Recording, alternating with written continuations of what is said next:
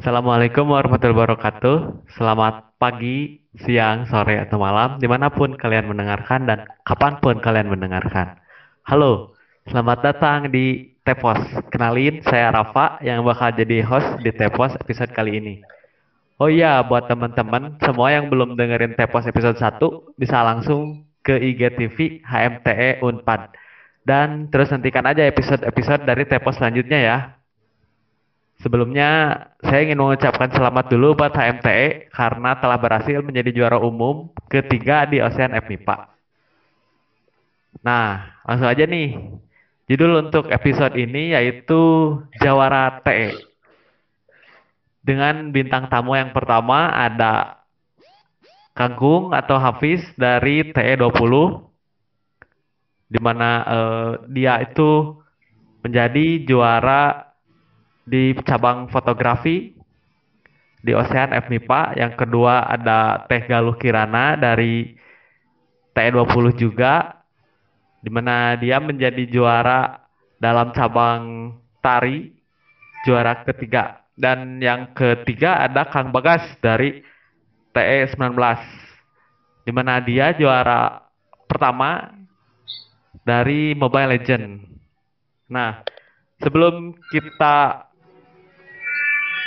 Sebelum kita uh, membicarakan mengenai hal itu, sekarang mau nanya dulu bagaimana kesibukan dari masing-masing Kakang dan Teteh. Yang pertama dari Kangkung dulu deh. Kesibukannya sekarang apa sebagai mahasiswa atau di luar mahasiswa gitu? Oh iya, uh, halo. Jadi apa ya kalau buat kesibukan sekarang paling lagi uh, kerja rodi di himpunan dan kepanitiaan sih paling. Tapi ya bentar lagi mau lebaran kayak mau istirahat juga deh. Waduh, gimana nih kerja rodi? oke oke deh ya. Sekarang yang kedua dari Kang Bagas dulu kesibukannya sebagai mahasiswa maupun di luar mahasiswa. Paling kalau dari aku sih cuma DPM doang sama satu broker ya. Udah selanjutnya sih fokus ke ML aja. Mantap Kang, mantap sekali. Pantes bisa berprestasi di Ocean. Terus dari Teh Galuh, gimana kesibukannya sekarang? Paling sama lah ya kayak yang lain. Aku paling sibuk ngerjain tugas kuliah, abis itu proker-proker dari himpunan sama kepanitiaan yang paling gitu-gitu sih. Berarti secara umum kesibukannya sama sih. Iya. Kuliah sama kemahasiswaan ya. Oke. Okay. Uh, eh, sekarang apa sih yang melatar belakangi Akang sama Tete untuk mendalami atau menjadi apa ya menjadi profesional gitu atau semi profesional pada eh, bidang-bidang yang Akang Tete geluti gitu. Dari Kang Bagas dulu deh apa sih yang melatar belakangi Kang Bagas buat menjadi fokus di main ML gitu Kang? Oh, jadi sebenarnya kalau aku tuh main ML dari uh, awal dari awal masuk uh, bisa dibilang di awal masuk iPhone lah kan dulu itu uh, baru di Android. Nah hari pertama masuk iPhone langsung main. Kalau rame banget awalnya. Nah terus sempet tuh kayak pengen ninggalin game itu karena apa udah bosen. Tapi kayaknya makin ke sini kok makin banyak yang makin banyak yang main. Terus akhirnya bisa kenalan sama kakak kelas sama orang luar. Dirinya banyak kenalan. Nah itu baru yang bikin semangat main lagi. Nah, terus okay. uh, okay. namanya? Uh, ikut turnamen-turnamen terus dari dulu. Nah kuliah sekarang lebih difokusin lagi gitu. Terus ditambah dari ini juga banyak turnamennya ya Kang, kayak MPL kemarin ya Kang. Enggak lah, enggak sampai MPL. Waktu apa MPL season 1 tuh masih ada seleksinya, masih ada seleksinya umum gitu kan. Nah, tim tim aku tuh dapet, cuma uh, apa namanya waktu match pertama salah jadi ya gitu nggak ada nggak bisa berjuang lagi. Berarti belum beruntung ya Kang buat di MPL ya Kang. Oke. Okay. Sekarang mau nanya Teh Galuh nih. apa sih yang melatar belakangi Teh Galuh gitu untuk mendalami gitu atau menjadi profesional atau semi profesional di bidang tari gitu Teh? Nggak profesional juga sih, paling nggak ada latar belakang khusus ya sebenarnya aku kayak ngelakuin tari itu emang pure sekedar hobi aja. Terus kebetulan emang setiap sekolah pasti istilahnya adalah kayak organisasi atau ekskul gitu yang menaungi bidang tari. Dan pasti aku selalu ikut gitu join ekskul tari gitu. Setiap sekolah kayak dari SD SMP SMA gitu sih. Berarti emang udah suka aja gitu ya teh? Mm -mm, Jadi suka udah aja. passion aja gitu? Benar oke oke. Buat eh, kangkung gimana Hmm. Kenapa sih Nah. yang melatar belakanginya gitu? Kenapa suka foto-foto gitu?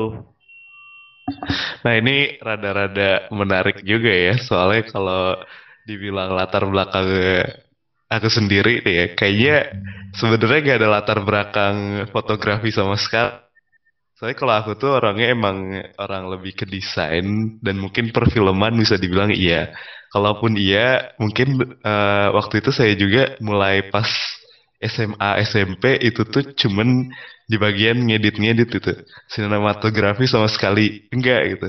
Tapi kenapa bisa tiba-tiba terjun di dunia fotografi gitu ya? Mungkin awalnya bisa dibilang pas eh, SMA udah mau lulus deh.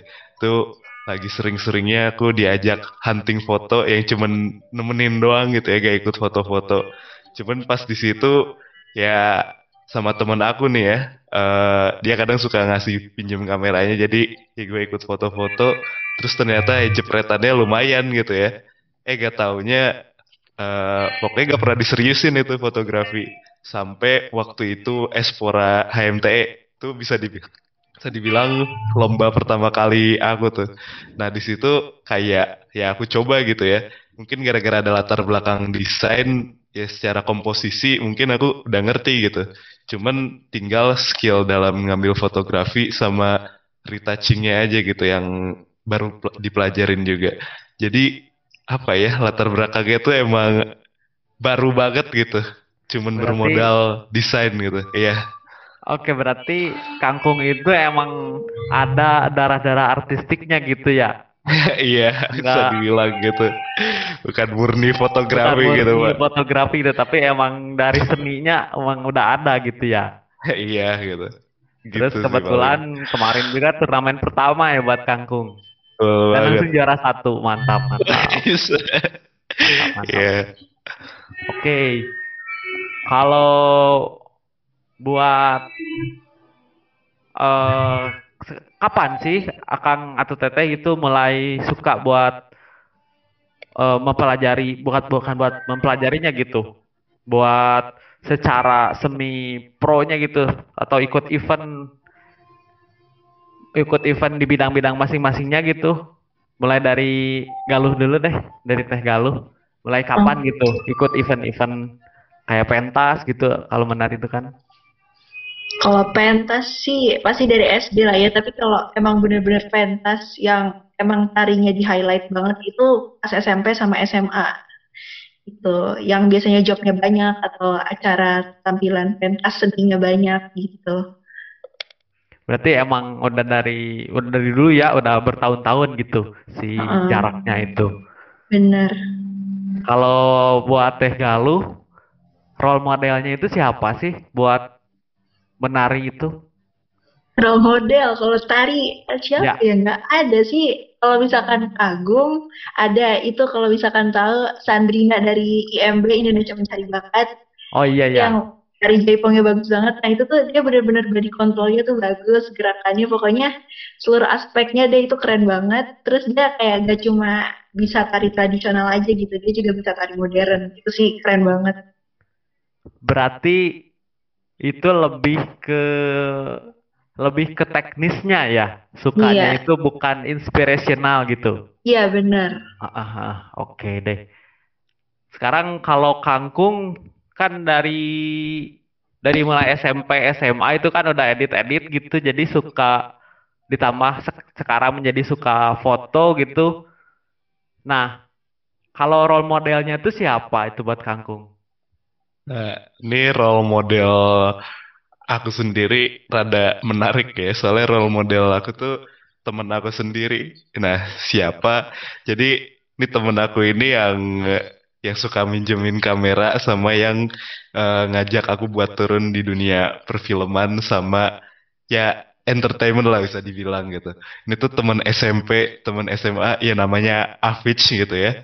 Uh, soalnya percaya gak percaya ini tuh fotografi juga bisa dibilang gak punya kamera gitu, gak punya kamera.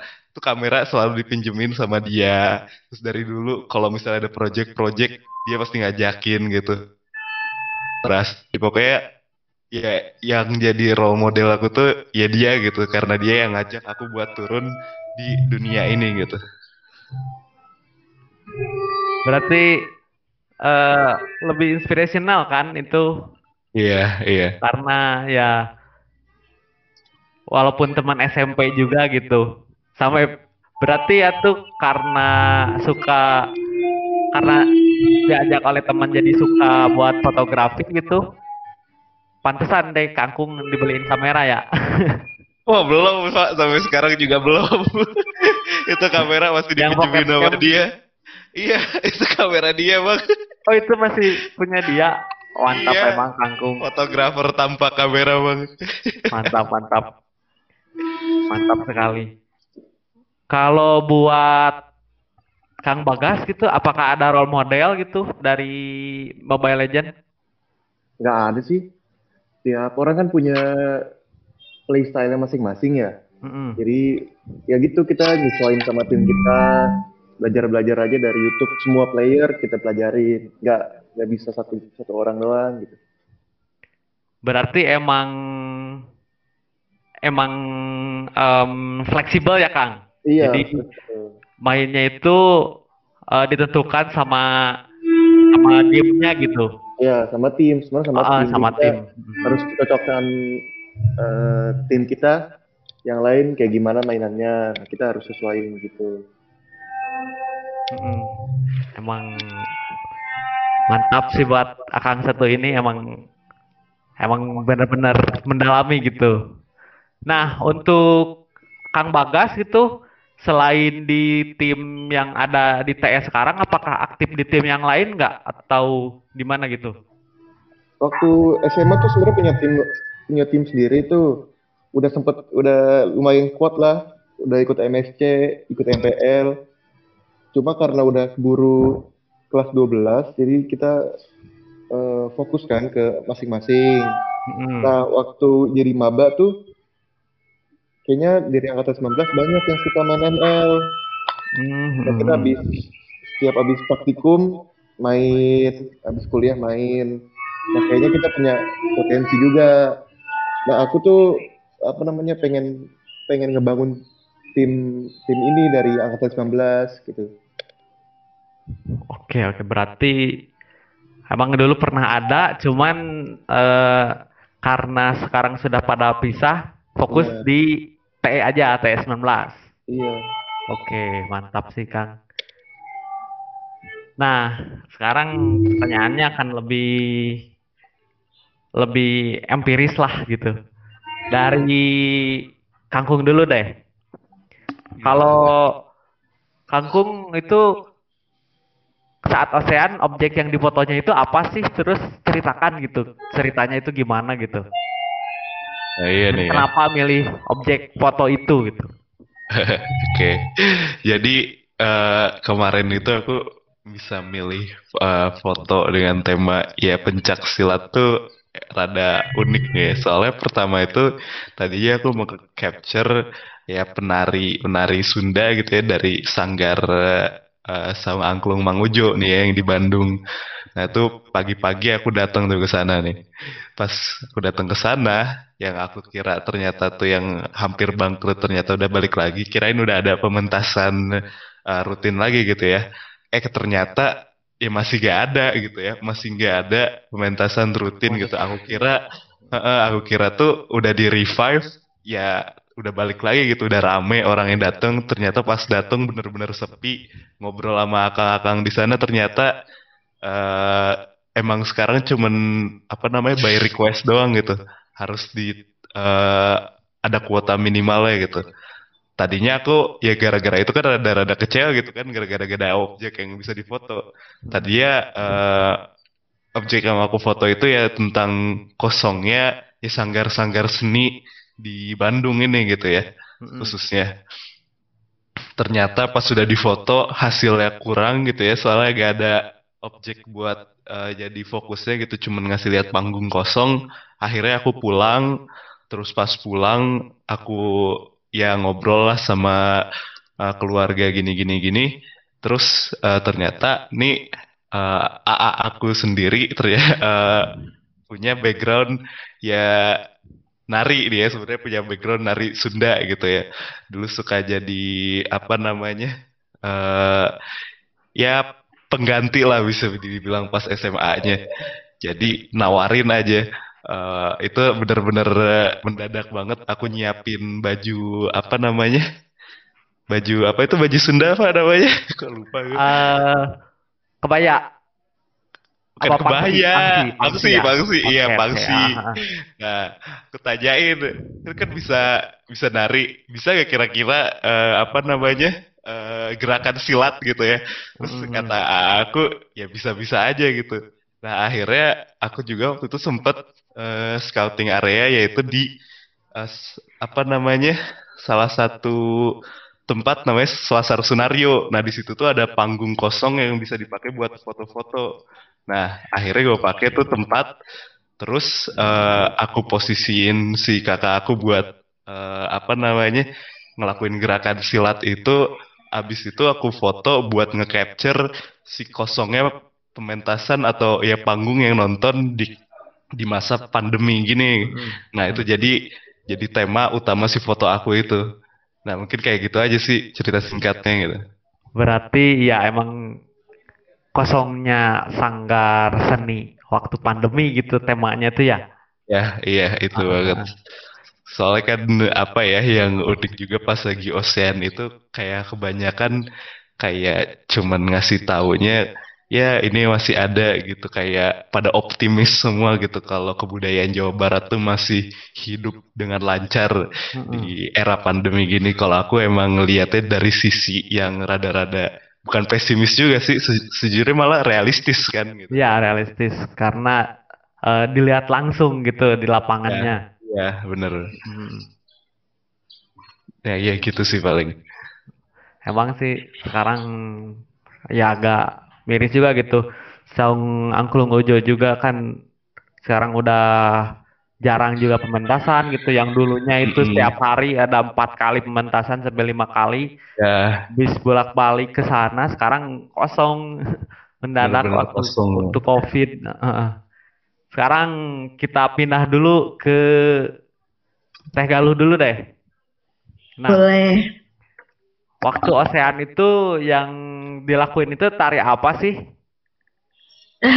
Sebenarnya yang aku buat itu bukan tarian apa ya kayak istilahnya kayak tarian jaipong yang emang udah ada gitu tariannya, tapi aku buat tarian kreasi sendiri. Jadi emang aku koreografiin sendiri gitu. Soalnya kan ini lebih menyesuaikan sama tema yang dibawakan ya pas Ocean. Soalnya tentang kebudayaan Sunda pas new normal gitu. Jadi waktu proses pembikinan, pembikinan tariannya itu aku kayak nyari musik-musiknya dulu nih yang kiranya emang nyambung sama konsep yang aku buat. Nah, jadi aku gabungin kayak dua musik gitu, terus aku buat kreonya itu aku bener-bener cepet banget buat kreonya kayak dalam waktu dua hari itu jadi. Terus ya udah gitu kan. Nah, konsepnya itu yang aku buat itu tentang menceritakan dua sudut pandang dari kondisi new normal ini dengan tarian Sunda. Jadi pas pertama itu aku pengen apa ya namanya ya nunjukin gerakan yang lebih luasa dengan suasana musik yang cerah gitu. Jadi di sini menggambarkan di mana uh, di kondisi new normal itu mengekspresikan diri kita itu bahagia atau senang ketika setelah lamanya itu dilakukan uh, karantina di masa pandemi gitu. Jadi di sini kita kayak mulai beradaptasi untuk menjalankan aktivitas yang biasa pada new normal. Nah terus ada uh, apa namanya tarian keduanya atau musik keduanya ini aku pengen nyari musik yang uh, istilahnya lebih serius atau pembawaan musiknya tuh lebih lamban lah. Jadi ada bagian uh, lambannya terus pas di tengah-tengah musiknya tuh ada yang bagian klimaksnya gitu. Nah, itu uh, menceritakan gimana ya konsep itu aku pengen menggambarkan suasana tentang uh, kondisi new normal ini juga gak coba di sisi happy-nya aja gitu ada sisi yang emang apa namanya ya kayak dark side-nya kayak menceritakan gimana kondisi new normal ini juga masih banyak orang-orang yang berjuang untuk beradaptasi di kondisi ini kayak berjuang di masalah kesehatan lah, finansial, ekonomi dan lain-lain gitu. Hmm. Berarti Teh Galuh eh, apa narinya itu nggak ada pakemnya gitu, masih Iya. pakem itu ya ininya apa eh aturan bakunya gitu. Iya benar gak ada pakemnya. Ah, ah, ah. Aku nggak ngambil apa namanya tarik klasik soalnya itu susah banget. Nah, sih. Banyak pakemnya juga ya Teh. Iya benar. Bagus sih. Mantap mantap Teh Galuh emang. Kita ke Kang Bekas dulu ya. Oke. Hmm. Kang eh kalau Akang gitu sama tim Akang gitu, cara mendapatkan chemistry-nya itu gimana sih? Gitu. Apakah ada hal-hal khusus gitu atau gimana gitu, Kang? Hmm, ya apa namanya? Kalau ngebangun tim itu pasti susah, apalagi yang dari awal yang eh, apa namanya kita harus komitmen dari awal harus membangun tim, pasti ada yang dikorbanin. Ya, salah, salah satunya sih waktu terus sama ke- apa namanya bintang lah kalau di ML tuh ranked bintang, bintangnya pasti harus dikorbanin terus. Pasti kita bakal kalah-kalah terus. Sekarang pun kita lagi lagi bangun tim juga sama ya sama player yang baru gitu. Oh ya, berarti emang cukup eh, susah juga ya. Biasanya berapa lama gitu sampai buat bisa dapet eh, tim yang solid gitu? Berapa eh, jam bermain gitu? Yang penting sih eh, konsisten aja. Yang kita kalau dulu sih kita bisa sehari main dua jam, tiga jam. Jadi habis kuliah langsung main. Eh, i- kalau sekarang sih enggak, soalnya kan online, jadinya eh, kesibukannya beda-beda kan. Waktu Ya. offline kan jadwalnya sama, jadi kita masih bisa main bareng terus. Gitu. Kalau offline sama online, si eh, porsi bermainnya apakah lebih banyak online apa offline, Kang? Offline. Kalau apa namanya, aku kan di sana eh, tinggalnya di apartemen kan, di Nangor. Nah, jadi kadang sampai begadang sampai subuh, sampai kadang mau apa namanya praktikum kan ada laporan awal tuh. Kadang Hmm. habis ngerjain laporan awal kita langsung main. Nah, kalau sekarang enggak. Oh, berarti walaupun sedang online gitu kan yang lebih fleksibel juga gitu. Eh, nggak berpengaruh ke nggak nggak jadi lebih lama bermainnya gitu ya, Kang? Enggak, iya, enggak. Padahal online itu kan lebih fleksibel waktunya juga ya, Kang. Iya, nah itu Walaupun tantangannya. Tantangannya. Jadwalnya kan sama gitu. Mm-mm. Mm-mm. Soalnya waktu sempat tuh kita kan eh, semenjak online, semenjak online tuh lama tuh nggak main. Akhirnya dari Unpad tuh ada turnamen Liga Mahasiswa. Nah itu diseleksi lagi tim-timnya buat mewakilin Unpad. Nah kita tuh baru yang udah lama banget nggak pernah main bareng. Akhirnya pas daftar langsung kalah pertama. Hmm, karena kehilangan touch-nya ya, Kang, karena udah lama nggak bermain gitu ya, Kang. Iya, tiap minggu soalnya pasti dari Mobile Legends tuh ada meta baru dan kita harus nyesuaiin terus. Harus nyesuaiin terus, berarti harus Iya. terus adaptasi gitu ya, Kang, Iya, kalau main hampir- ML itu ya, Kang. Iya, hampir tiap minggu berubah terus. Mhm. Nah, itu kesulitannya dari kita. Nah, eh, kan Akang tuh dari ML tuh kan tim gitu. Nah, ada nggak sih yang paling klop gitu sama Akang gitu? Yang paling chemistry-nya paling kuat gitu. Ini secara personal aja lah. Oh, gitu. Jadi gini, apa namanya? Di Mobile Legends tuh kan banyak role. Ada ro- roamer, ada support, ada jungler, ada offlaner, ada side side laner. Nah, kalau role aku tuh sendiri tuh roamer, tank lah. kalau umumnya namanya tank. Oke, tank ya. Oke, oke. Nah, nah, tank itu harus kompak sama support. Kebetulan support yang support yang di tim HMPE ini uh, Kang Wildan sama Kang, Kang Dimas. Oh iya iya Kang. Mm-hmm. Nah sebelum sebelum ada Kang Wildan tuh klubnya sama Kang Dimas. Cuma Kang Dimas, Dimas dulu uh, berubah Kang Dimas berubah berubah role jadi jungler. Core-nya, core-nya. Hmm, jadi core, oke okay, oke. Okay. Nah, jadi core. Akhirnya bangun lagi uh, aku sama Kang Wildan dari awal lagi main support. Nah jadinya sekarang klubnya sama Kang Wildan. Berarti paling klub sama Kang Wildan gitu. Emang berarti bukan ditentukan oleh personalnya tapi posisinya ya Kang? Iya, jadi harus kita harus uh, satu hati lah sama sama supportnya kalau aku.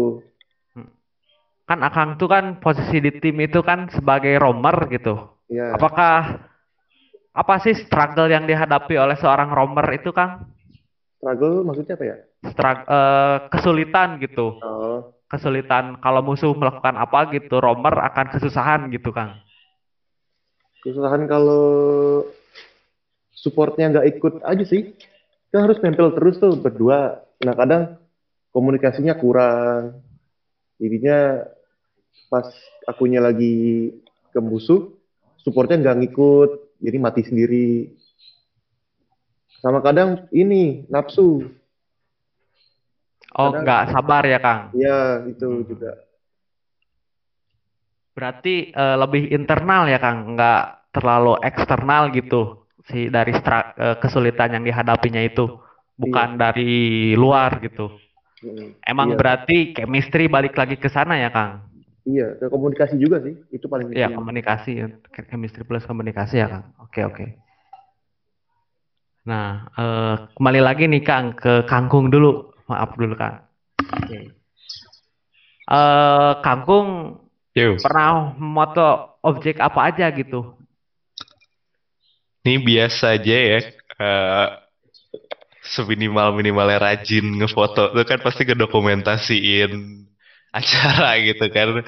Kalau enggak kan ya paling apa ya objek yang sering aku foto sih kayak jarang. Mungkin bisa aku lebih sering bilang ke video gitu ya. Kalau video mungkin ya dari pengalaman mungkin akhir-akhir ini ya apres atau enggak yang waktu itu sempet kan video profil gitu.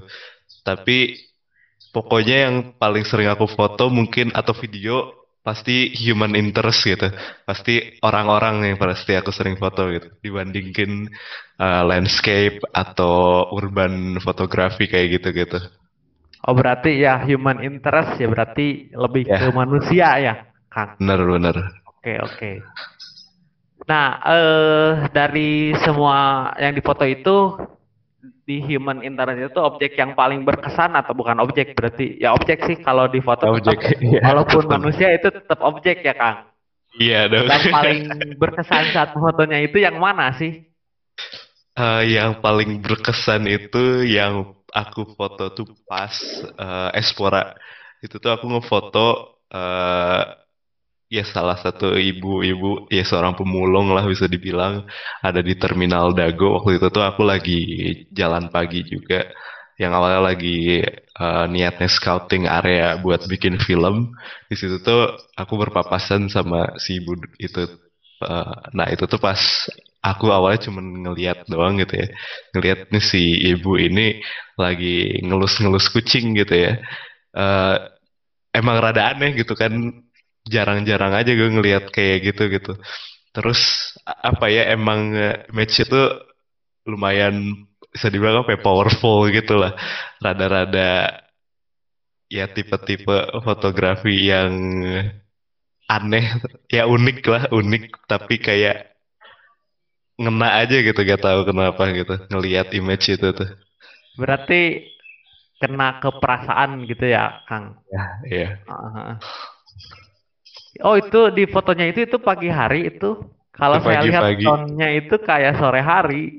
Iya emang kan apa ya orangnya tuh nge, nge gradingnya tuh suka rada-rada ngikutin perasaan gitu ya, yang ra rasanya muram gitu. Kadang emang rada aku gelap-gelapin gitu.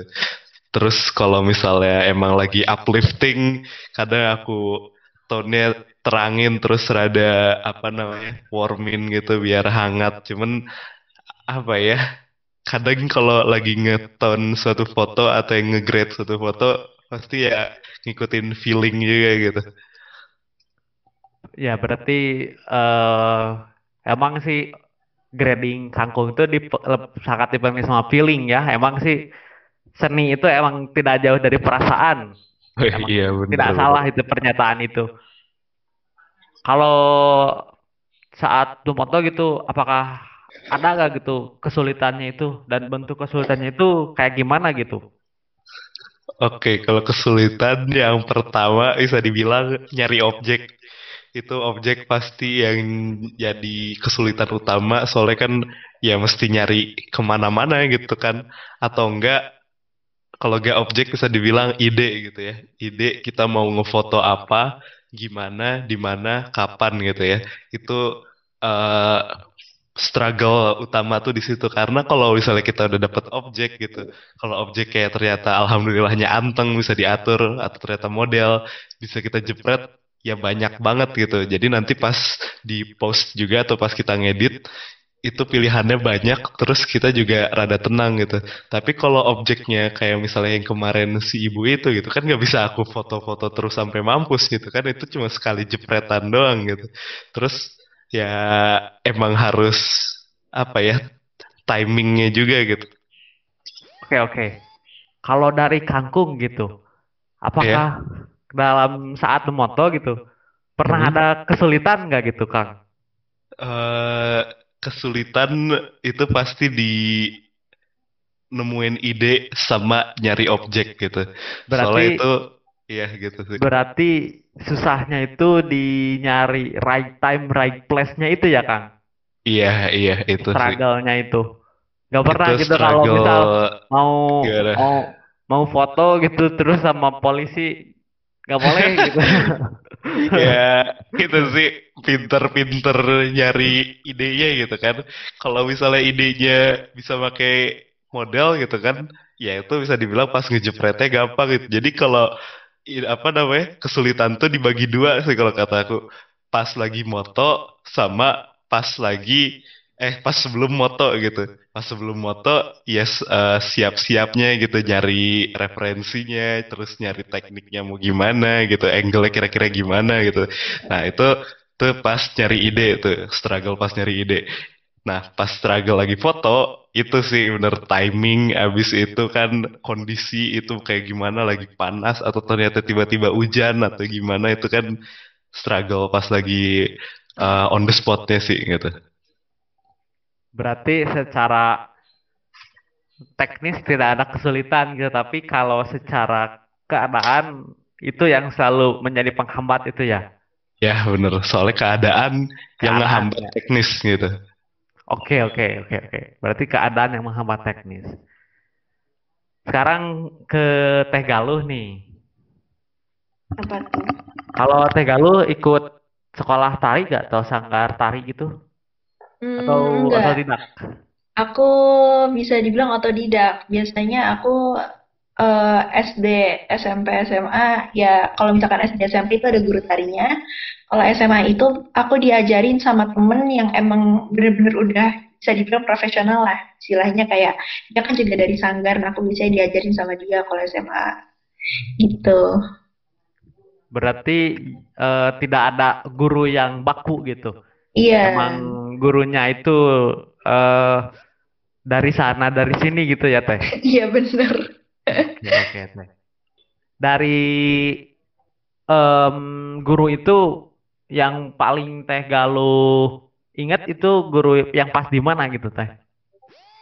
Temen aku sih ini pas SMA dia soalnya kayak emang berkesan banget sih astaga dia tuh bener-bener jago banget gitu. Maksudnya dari tarian A sampai Z kayaknya dia hafal semua. Terus waktu itu sempet kalau nggak salah tuh sempet kayak nampilin tarian kayak improve gitu kayak apa namanya kita dimainin musik nih. Nah terserah kita tuh pengen gerakin apa aja. Nah dia tuh bener-bener bisa nampilin koreo yang kelihatannya udah disusun udah distruktur sama dia tapi sebenarnya itu tuh gerakan asal gitu kayak freestyle-nya lah istilahnya. Oh berarti emang dia bisa improve secara uh, ya improve-nya itu uh, bagus gitu ya teh. Iya sampai bener teteh sampai ingat gitu. Bener oke. banget heeh. kalau saat menari gitu apakah pernah ada kesulitan nggak teh Galuh? Itu struggle gitu. pasti sih apa ya masalah utamanya itu pasti eh, detail gerakannya. Kayak mulai dari detail gerakan kepala lah harus apa namanya noles sana noles sini terus gerakan matanya juga itu pasti dilihat terus kaki tubuh tangan ekspresi kelempikan pokoknya semuanya deh itu harus benar-benar diperhatiin. Terus apalagi kan eh, ditambah sama power itu juga nggak boleh ketinggalan terus tadi ekspresi juga. Jadi tuh kayak kalau misalkan kita lagi latihan yang bener-bener kayak gladi resik nih istilahnya kayak bener-bener kita keluarin semuanya gerakan terus kelenturan terus power ekspresi gitu-gitu pasti sekali tarian aja tuh kayak udah bikin capek gitu loh. Itu sih kesulitannya. Berarti ya di di secara teknis ya teh? Iya benar. Soalnya kalau dalam tarian tuh kalau misalkan detail gerakan ada sedikit yang miss itu kelihatan banget gitu. Ke kera- kerasa gitu sama yang ininya ya. Soalnya Mm-mm. kan di diiringi lagu gitu jadi kalau miss itu ke ke, ke beatnya itu jadi berubah ya teh iya bisa bisa heeh. kayak kelewat temponya gitu Hmm. Kalau Teh Galuh gimana itu cara mengatasi kesulitannya itu? Apakah dengan berlatih secara gimana gitu? Iya sih bener kayak apa ya namanya ya difokuskan buat nambah jam terbang latihannya tubuh kita terbiasa gitu sama gerakan detail-detail gerakannya terus ekspresinya juga. Terus kalau gitu kalau bisa latihannya tuh sama orang yang udah bener-bener paham gitu. Jadi kita minta saran kayak ini baiknya gimana biar ada yang bisa benerin juga gitu. Kalau misalkan pas latihan kita ada yang kurang gitu. Berarti sih ya emang eh, practice make better ya. bener. Mm-mm. Kalau Teh Galuh pernah ngikutin pentas tari di mana aja gitu? Pentas tari. Kalau SMP, SMP tuh dulu aku kayak tiap tahun suka diadain malam budaya gitu. Nah, itu biasanya aku tampil. Terus SMA, SMA itu eh, lebih ke job sih. Jadi kalau misal ada panggilan kayak dari apa namanya kabupaten atau misalkan ada apa ya namanya ya jobnya tuh kayak perkawinan gitu-gitu tuh biasanya kita tampil atau ada acara kelulusan kita juga tampil gitu. Berarti eh, eventnya event-event tahunan ya Teh? Iya, event tahunan. Kalau event khusus gitu, apakah pernah nggak Teh? Kayaknya belum sih. eh eh, pentas tari ini gitu, pentas tari yang diadakan oleh Sanggar A atau Sanggar B gitu teh. Oh, belum belum. Belum pernah. Berarti ya emang ma- eh, ini ya teh, ya baru di event-event yang sering diadakan gitu ya teh. Iya. Oke oke teh. Sekarang ke Kang Bagas lagi deh. Eh kalau Kang Bagas main Mobile Legend gitu, apakah ada strategi khususnya nggak gitu? Kalau misal eh, kalau kan kalau main bola itu ada counter attack gitu, terus ada position game gitu. Kalau di Mobile Legend itu ada strategi khususnya nggak? Atau emang langsung adapt aja sama nyesuaiin musuhnya gitu? Musuh main gitu, kita lawan gini gitu. Oh, enggak sih, yang penting kita ikut meta terus sama he- pakai hero power pick kita, hero senyaman kita aja. Hmm, kalau dalam berarti eh kalau main Mobile Legends itu picking heroes itu sangat berpengaruh ya, Kang? Wah, itu 50% ke- apa menentukan kemenangan. Hmm, ya harus banyak main pakai hero yang itu ya biar tahu ininya ya Kang. Iya, kita spam hero aja terus. Nanti lama-lama dapat feel-nya. Uh, apa namanya? Uh, itu kan hero udah hero nyaman kita. Nah itu kita pakai pas pas turnamen gitu aja. Berarti strategi khususnya itu adaptable ngikutin meta aja ya Kang? Iya, ngikutin meta aja. Oke. Okay. Kalau dari tim yang akan sekarang yang sekarang akan gitu, apakah ada struggle gak gitu? Pernah ada kesulitan gitu atau ada miskomunikasi sama sesama tim?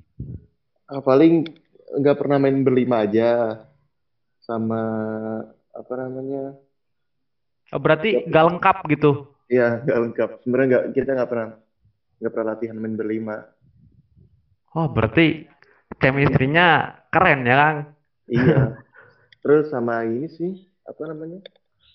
Kadang ada aja yang punya masalah masalah masalah diri sendiri kayak pas lagi turnamen tidur lah, nggak bisa diteleponin, ada yang wifi-nya mati lah, gitu. Oh, berarti ya ke teknis ya Kang masalah-masalah ininya ya Kang? Iya, paling nggak terlalu sistemik gitu. Iya, ke, masih ke teknis lah. Kesulitannya sama tim sendiri aja, nggak sama musuh. Oke, oke.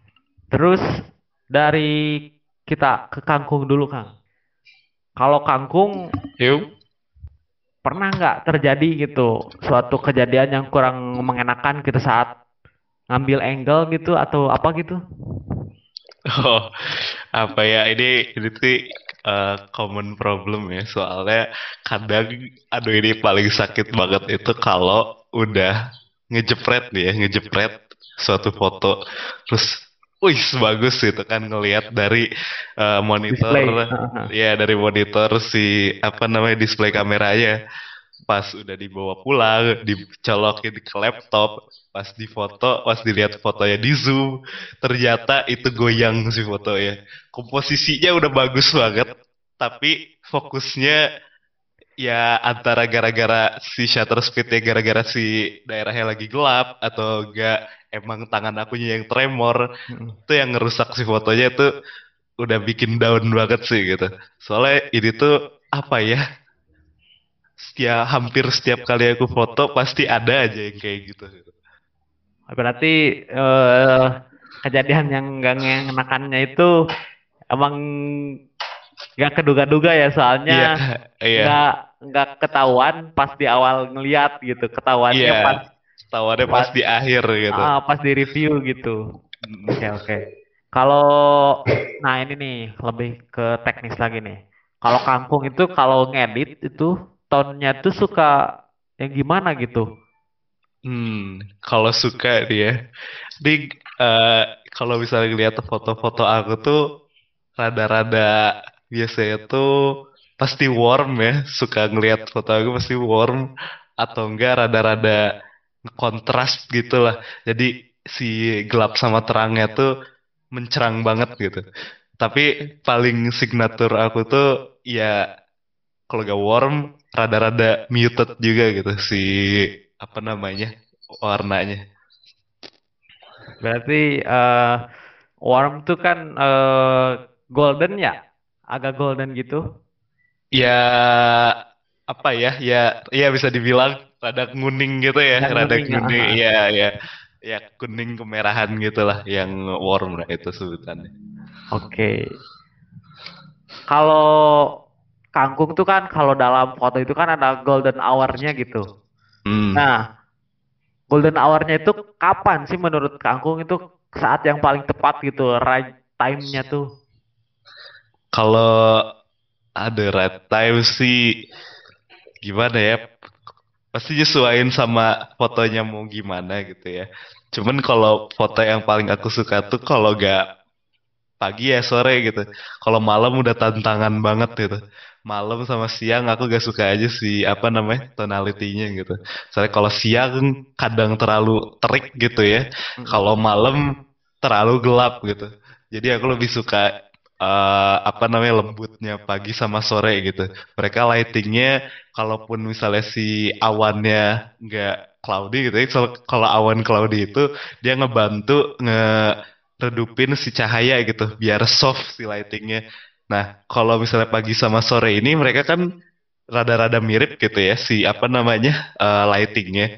Yang aku suka tuh gara-gara mereka tuh gak terlalu agresif gitu.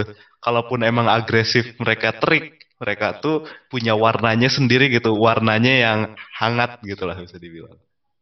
Berarti ya golden hour-nya itu ya transisi from day to night atau night to day ya. Betul kali. Oke, okay, emang golden hour-nya itu masa transisi ya kan. Oke. Okay. Iya. Kalau kangkung les foto gitu atau sekolah foto nggak atau otodidak aja gitu atau ada guru kangkung kayak gitu yang teman SMP itu uh, diajarin uh, mungkin kalau dikasih tips-tips sama si teman SMP ini mungkin kadang-kadang iya gitu ya. Kayak dikasih tahu nih grading yang simple cepet tapi bagus gimana. Mungkin sebatas itu aja gitu. Sisanya kayak otodidaknya beneran bukan bukan belajar sih. Kayak langsung nyari pengalaman sendiri gitu. Soalnya kayak nonton tutorial aku kayaknya gak banget gitu ya kalau nonton tutorial di YouTube buat fotografi gitu. Soalnya bukan teknis gitu aku ini si fotografi bener-bener pakai feel doang gitu Berarti emang ya seni itu emang balik lagi ke feeling ya, perasaan itu ya. Oke. Okay. Yes. Sekarang ke Teh Galuh lagi deh. Teh Galuh eh pas pentas tari gitu ada kejadian yang kurang mengenakan nggak gitu? Kalau eh, kejadian yang kurang mengenakan kayaknya nggak ada sih. Biasanya tuh ya kejadian-kejadian biasa yang tak terduga. Misal kayak salah gerakan pas apa namanya pas tampil atau misalkan atribut uh, aksesoris kepala yang jatuh pas tampil itu sih. Biasanya tuh kalau kayak gitu gara-gara uh, kitanya yang terlalu nervous gitu. Jadi oh. udah panik duluan kayak aduh ini gimana ini gimana? Terus kayak ngeblank kan kayak ini gerakan apa terus ya gitu deh biasanya suka salah gerakan berarti ya teknis ya iya balik lagi teknis balik lagi ke teknis ya oke okay. tapi kayaknya pernah waktu itu apa namanya sempet tuh kita ada job tampilan gitu buat ngisi acara pembukaan suatu tempat. Terus kita udah nunggu dari pagi, ternyata acaranya delay sampai siang. Itu males banget nunggunya sih, padahal kita kayak udah prepare dari kostum makeup, taunya pas tampil ini banget ngaret banget. Ya kan kalau ngaret itu itu ya uh, apa make upnya itu ya teh ya yang Iya bener. Oke oke. Kalau cara mengatasi hal itu gimana itu? Kalau misalnya ada kejadian yang gitu, ke teknis aja deh. Kalau misalnya ah, kalau misal lagi pentas gitu, ada aksesoris yang jatuh gitu gimana? Keep going apa apa gimana gitu? Oke, paling kalau yang buat masalah itu tuh yang pertama sebelum tampil pasti jangan terlalu nervous. Harus kontrol diri sendiri gimana pun caranya harus buat pikirannya tenang sebelum penampilan. Terus kalau buat atribut paling ini kita cross check lagi gitu pas apa namanya pas lagi siap-siap itu pasang aksesorisnya biar lebih kuat lagi kayak nambahin hairspray-nya lah atau nambahin bobby pin-nya biar gak jatuh-jatuh. Nah kalau misalkan pas apa namanya penampilannya udah kejadian nih usahain kita harus tetap pasang ekspresi senyum, jangan nunjukin muka kita panik, soalnya itu bakal kelihatan banget sama orang. Terus pokoknya pas uh, penampilan juga kita sebisa mungkin harus menampilkan penampilan semaksimal mungkin dan seprofesional mungkin. Jadi walaupun ada kendala pas di atas panggung kita harus nampilin ekspresi kita tetap senyum, terus gerakan kita juga tetap yang maksimal gitu. Ya, berarti uh, prepare ya, iya, benar. itu. Kalau kangkung nih, event foto yang pernah diikuti apa aja? Oh baru Ocean sama Espora ya? Bener. Mungkin kalau foto itu ya, tapi kalau misalnya aku kan backgroundnya sebenarnya bisa dibilang ya tadi kan videografi gitu. Kalau videografi dulu uh, rajin banget ikut lomba dari pas SMA kelas 1 gitu ya. Terakhir tuh terakhir tuh uh, ini uh, apa namanya? uh, film itu ada namanya Duta Muda Cleo itu tuh acaranya buatan Cleo itu tuh 2020 2019 ya? Ya 2019 ya 2020 tuh cuma sampai jadi finalis gitu. Tuh bagainya gara-gara ditonton sama Maudi Ayunda si jurinya. Paling gitu sih. Tapi kayaknya kalau perfilman gitu ke belakangnya emang rajin sih mau lomba apa namanya Jawa Barat, si Indonesia kayak gitu biasanya. Tapi bukan yang diselenggarain sama pemerintah gitu lebih nyari yang kayak dari perusahaan-perusahaan gitu mau dari Gramedia terus kemarin Cleo atau enggak se apa ya se akademis akademisnya juga waktu itu tuh dari apa namanya pas acara pentas PAI Sukota Bandung itu baru tuh pernah dapat juara satu juga paling itu sih. Berarti Kangkung tuh lebih ke sinematografi ya? Iya, iya. Nggak, ya ke fotografi ya karena masih satu dasar gitu. Cuma bedanya yeah. itu kan sinematografi itu gambarnya bergerak gitu. Kalau yeah. fotografi itu gambarnya diem kan gitu. Iya. nah, tapi kan uniknya juga pas di bagian apa namanya ya selama aku fokus di videografi ya walaupun sampai sekarang aku tuh bukan di bagian sinematografinya lebih di bagian pas post processingnya gitu pas lagi ngeditnya gitu jadi aku biasanya cuman ngambil bahan jepretan atau ya rollingan orang gitu jadi aku biasanya belajar mungkin gara-gara kebanyakan ngelihat itu iya sih berarti ya masih keterkaitkan gitu antara Iyalah, iya, fotografi sama fotografi itu. Iya. Sekarang ke Kang Bakas lagi deh. Kang nih, eh uh, dari tim apakah pernah ganti member gak Kang? Pernah, pernah. Uh, yang ganti member tuh pertama tadinya tuh ada Kang Arif, Kang Arif, terus udah nggak main lagi, udah nggak satu tim lagi Terus ada Kang Kurniawan, tapi dia udah ada kesibukannya sendiri, jadi nggak nggak main lagi. Nah sekarang fokusnya sama Kang Wildan. Kang Wildan sih yang baru, oh sama Kang Acong yang baru lagi penyesuaian. Oh, Kang Acong adapt lagi adapt gitu. Iya, gitu itu sih. Berarti uh, kebanyakan ganti member ya karena kesibukan ya Kang? Iya, kesibukan sama nggak bisa dihubungin aja kalau online jadinya. Oh iya Jadi berarti mau, mau harus ganti pemain. Kalau pas ASEAN nih Kang nih, himpunan mana sih yang paling susah gitu buat dikalahin gitu, yang paling dramatis? Sebenarnya sih yang susah dari teman sendiri ya, kalau dari masalah dari musuh tuh sebenarnya karena kitanya lebih berpengalaman jadi biasa aja. Oh, berarti ya berarti ejet semua dong. Enggak, enggak juga sih. Kalau dari Kang Bagas ada niatan jadi pro player gak Kang?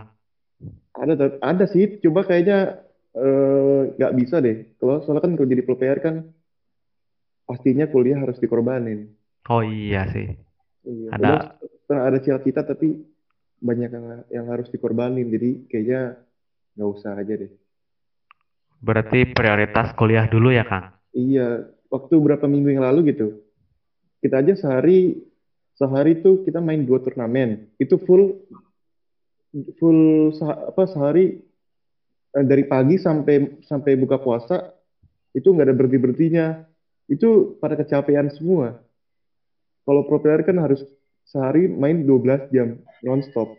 Nah itu kita kayaknya nggak kuat deh. Aku apa karena kas apakah karena pas itunya eh, ada kegiatan lain itu Kang atau emang gimana itu bisa kecapeannya itu Kang? Kita main nggak berhenti berhenti jadinya, nggak ada. Oh, nggak ada istirahat. Iya. Pasti sih. Iya, jadinya kayaknya nggak dulu dah.